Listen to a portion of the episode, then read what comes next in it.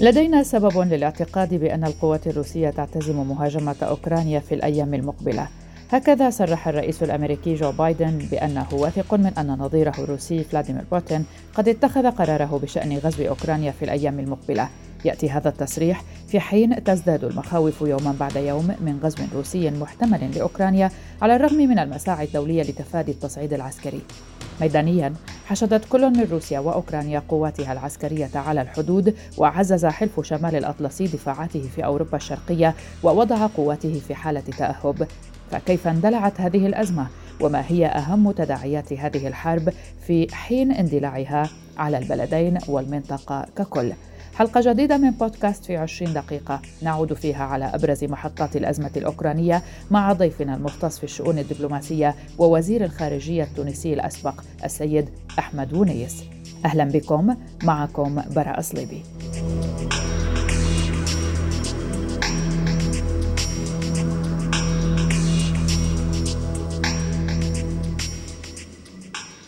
مخاوف متزايدة يوما بعد يوم من غزو روسي محتمل لأوكرانيا على الرغم من المساعي الدولية لتفادي التصعيد العسكري في خضم فشل الجهود الأوروبية لتخفيف التوتر في هذا الصراع. الولايات المتحدة قالت إن غزوا روسيا لأوكرانيا قد يحدث في أي وقت، كما صرح الرئيس الأمريكي جو بايدن أنه واثق من أن نظيره الروسي فلاديمير بوتين قد اتخذ قراره بشأن غزو أوكرانيا في الأيام المقبلة، لكنه شدد على أن الأوان لم يفت لإحلال الدبلوماسية بين الطرفين وتأتي هذه التصريحات في ظل تصاعد التوتر في شرق أوكرانيا وظهور تقارير من البنتاغون تثبت بأن 40% من القوات الروسية المحتشدة على حدود أوكرانيا اتخذت وضعية هجومية. وفي تحرك غير متوقع ينمي المخاوف من أن تستخدمه موسكو ذريعة لتبرير غزو شامل لأوكرانيا كدس الانفصاليون المدعومون من روسيا المدنيين في الحافلات لإجلائهم من المنطقتين المتمردتين في شرق أوكرانيا وسمعت صافرات الإنذار في دونيتسك. بعد أن أعلنت هي والمنطقة الأخرى لوهانسك عن إجلاء المدنيين إلى روسيا على أن يتم نقل النساء والأطفال والمسنين أولا وبعد ساعات انفجرت سيارة جيب روسية من طراز يو زد أمام مقر حكومة المتمردين في مدينة دونيتسك عاصمة المنطقة التي تحمل نفس الاسم. وشهدت السيارة وقد تناثرت حولها شظايا فيما طارت إحدى عجلاتها جراء الانفجار. ويقدر السكان المدنيون الذين يعيشون في المنطقتين اللتين يسيطر عليهما المتمردون بشرق أوكرانيا بعدة ملايين. معظمهم ناطقون بالروسية وكثير منهم حاصلون بالفعل على الجنسية الروسية. روسيا تحاول دفع الجيش الأوكراني لمهاجمة الانفصاليين. هذا ما اتهم به أوليسكي دانيلوف أكبر مسؤول أمني في أوكرانيا. اتهم روسيا بالقيام باستفزازات في شرق أوكرانيا في محاولة لدفع الجيش الأوكراني إلى الرد لكنه أضاف أن أوكرانيا ستتمسك بالوسائل السلمية لنزع فتيل الأزمة. وفي إيجاز مشترك قالت إيرينا فيريتشوك الوزيرة المسؤولة عن توحيد ما تسميه كييف الأراضي المحتلة مؤقتا إن روسيا تحاول إجبار أوكرانيا على تقديم تنازلات. وأضاف دانيلوف إن أوكرانيا ليس لديها خطط لاستخدام القوة في تحرير الأراضي التي يسيطر عليها الانفصاليون في شرق البلاد مضيفا أن غزوا روسيا شاملا لبلاده غير مرجح. وتبادلت الحكومة في كييف والانفصاليون تبادلوا الاتهامات بالمسؤولية وتقول دول غربية إن القصف الذي بدأ الخميس الماضي واحتدم في اليوم التالي يأتي في سياق ذريعة تختلقها حكومة الرئيس الروسي فلاديمير بوتين لغزو أوكرانيا وفي عودة على بداية هذا التوتر سألنا ضيفنا الوزير التونسي السابق السيد أحمد ونيس ما هي أصول أو الأسباب العميقة لهذه الأزمة؟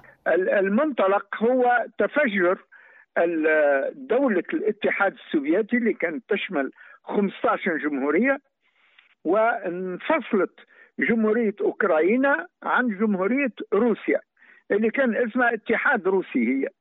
آه، فهذا الانفصال كان أزمة لبعض مناطق وأهالي تسكن المناطق هذيك اللي من أصل روسي ويتكلمون لغة روسية. من جملة المناطق هذه آه، آه، واحدة منها اللي هي متسعة أرضيا على نهر الدون يعني دنيبر بالمعنى الروسي اللي هي جات ما بين الدولتين. فطورت أوكرانيا باستقلالها لكن عند انتخاب رئيس كان ميال لمنطقه الدون هذه الدون باس يعني le bassin du Don فهمت؟ ولوهانسك اللي هي مدينة كذلك بجوارها فهمت؟ رئيس مرشح كان ميال للمنطقة هذه اللي هي ناطقة باللغة الروسية ويسكنها وتسكنها أقليات من أصل روسي. آه، آه، آه، الرئيس هذا اسمه يانوكوفيتش وقع انتخابه مرة أولى ثم وقع أزمات لما أعيد انتخابه سقط فقعدت منطقة الدون هذه الدونباس قعدت ميالة إلى روسيا. ففي عام 2014 عملت ثورة بينها بين أهاليها وقررت استقلاليتها من الدولة الأصل اللي هي دولة أوكرانيا وأصبحت ميالة إلى روسيا. وكانت الجيوش الروسية دون معناها أن تكون لابسة الظواهر بتاع الجيش الروسي يعني جيوش خفية ساعدت هالمنطقة هذه لكسب استقلاليتها من أوكرانيا.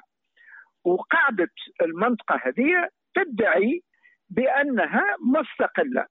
وروسيا معترفة بها وهي لا تزال تخلق. معناها منطقة آه، تطالب باستقلاليتها من الدولة الأوكرانية شمولا. فالغرب آه، الأوروبي ساعد وحدة ترابية أوكرانية وروسيا تقول أنا ما عنديش تدخل فيها لكن يلزمكم تحترموا الإرادة القاعدية الشعبية نتاع منطقة الدونباس هذه دونباس ولوهانسك اللي هما أعلنوا على استقلالهم الداخلي. فالأصل معناها اللي يعود إلى 2004 و2010 تأكد في عام 2014 لما الثورة الميدانية في أوكرانيا بدلت الرئيس معناها اللي كان ميال إلى روسيا واستبدلته برئيس جديد اللي ما يعترفش بالانفصاليين نتاع الدومباس ولوهانسك. هذا العصر هذا اللي انطلق. فتمت مفاوضات بعد 2014 آه، تمت في آه، بيلوروسيا مينسك يعني عاصمة بيلوروسيا وبعض محطات منها في فرنسا في في باريس. والمهم هو أن ما بين دول أوروبا الغربية وأوكرانيا من شيرة وما بين هؤلاء الانفصاليين وروسيا من شيرة أخرى اتفقوا انهم باش يستعيدوا احترام إرادة الشعوب ووحدة التراب الأوكراني. فقاعدة الأزمة ما تطبقتش يعني الاتفاقيات اللي وصلوا لها ما تحققتش ميدانيا وقاعده دمالة معناها قائمة آه، بيناتهم. فالاصل آه، هو هذا. إنه أكبر حشد عسكري منذ الحرب العالمية الثانية. في ظل انتشار القلق في الأسواق العالمية والأزمة الدبلوماسية التي تخيم على أوروبا قالت روسيا إنها بدأت في سحب قواتها من منطقة الحدود مع أوكرانيا. في المقابل تقول الولايات المتحدة إن روسيا التي أعلنت بدء سحب قواتها فعلت النقيض من ذلك تماما وزادت القوات التي تهدد جارتها إلى ما بين 169 إلى 190 ألف جندي ارتفاعا من 100 ألف في نهاية يناير كانون الثاني. وتخشى الدول الغربية من صراع على نطاق لم تشهده أوروبا على الأقل منذ حربي يوغوسلافيا والشيشان في تسعينيات القرن الماضي اللتين أسفرتا عن مقتل مئات الآلاف وفرار الملايين.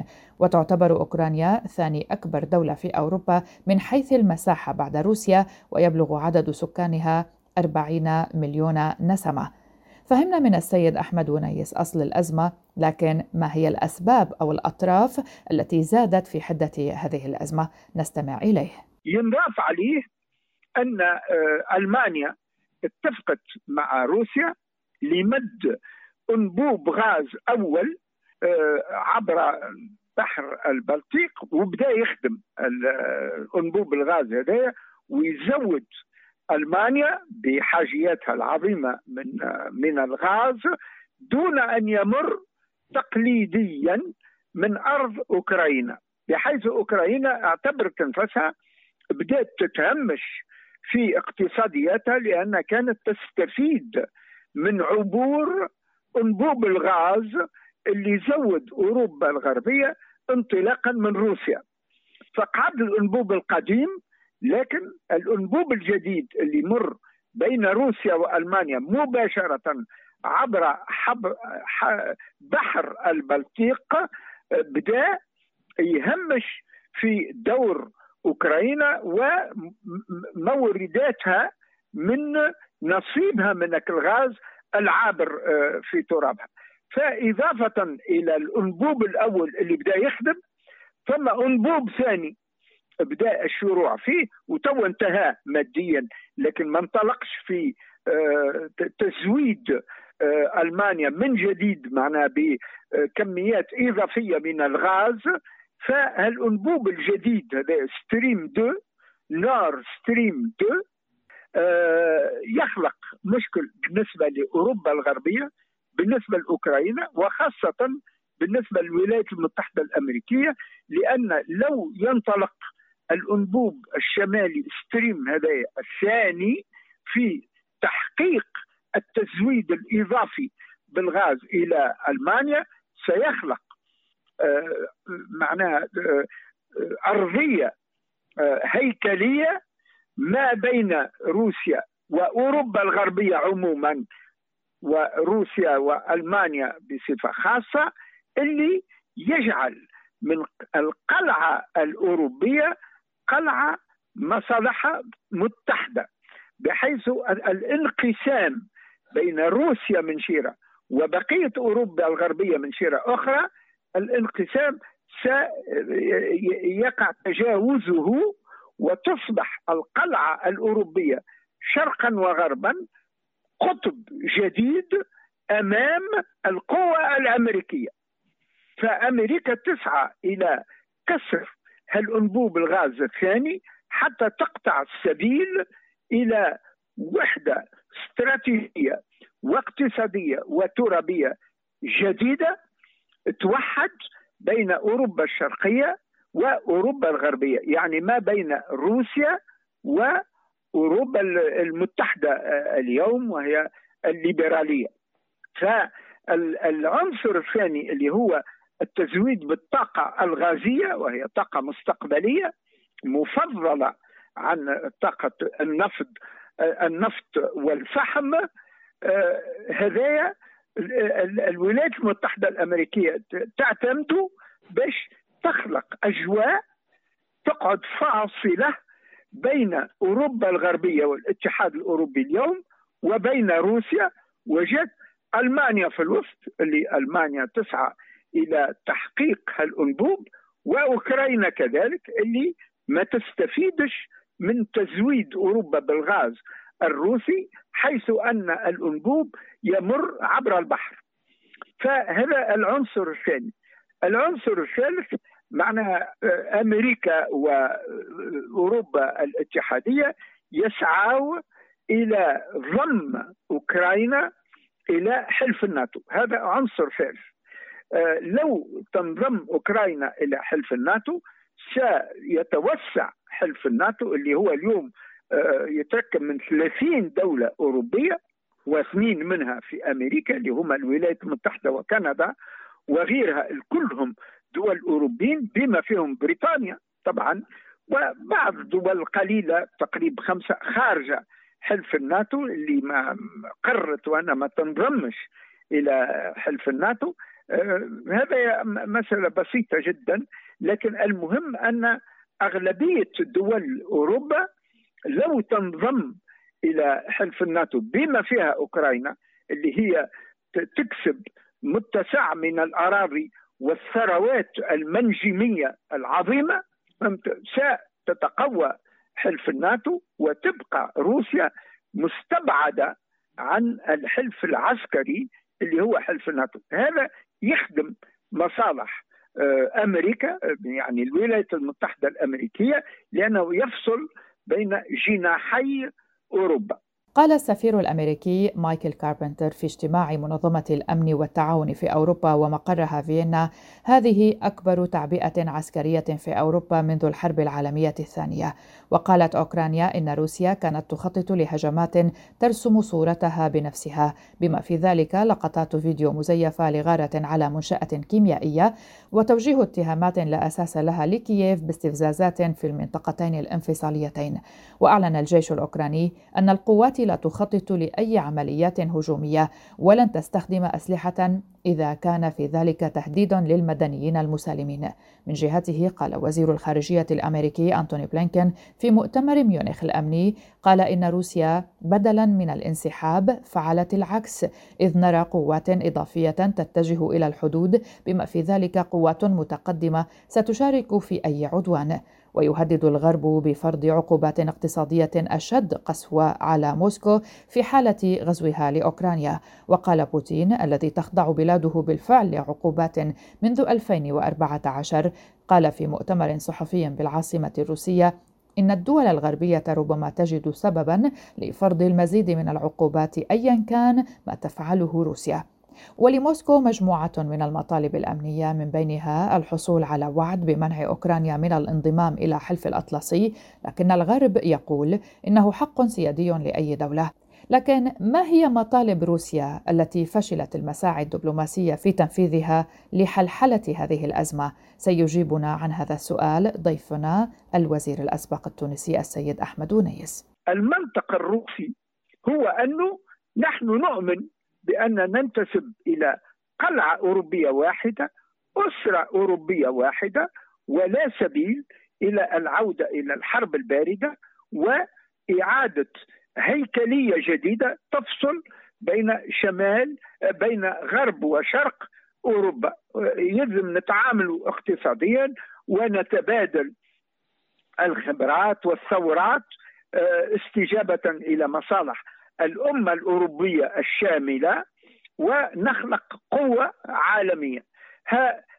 المطلب الروسي هذا هو في الواقع معناته يتجاوبوا معاه الأوروبيين جميعا والبعض منهم لا يزال يحتاط من روسيا ويعتمد على الحسابات الأمريكية لإبقاء روسيا خارج الوحدة الهيكلية الأوروبية.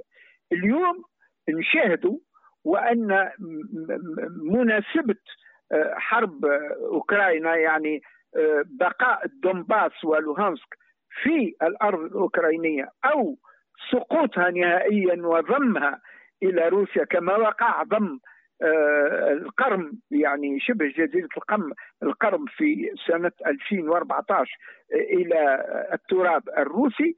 المناسبة هذه عسكرة الساحة الأوروبية يعني بث الجو العسكري والتخوف من انطلاق حرب معنا في أوروبا. حتى تجمد معنا استعمال القناة الغازية اللي تزود أوروبا الغربية بالغاز الشرقي. فهذه المناسبة تساعد الحسابات الأمريكية وتتجاوب معها الدول الغربية الأوروبية اللي تطالب بالديمقراطية وبتطوير سياسي في داخل روسيا وفي علاقات روسيا بالاتحاد الأوروبي. هذا الانقسام ما زال ما تحسمش واستعمال التهديد العسكري بانفجار حرب ضمن أوروبا يساعد على إبقاء الفصل نهائيا بين روسيا وبيلاروسيا من شيرة وبقية أوكرانيا واوروبا الغربية من شيره أخرى. هذه كانت حلقة من بودكاست في 20 دقيقة. كنت معكم براء صليبي شكرا لكم لطيب الاستماع. إلى اللقاء.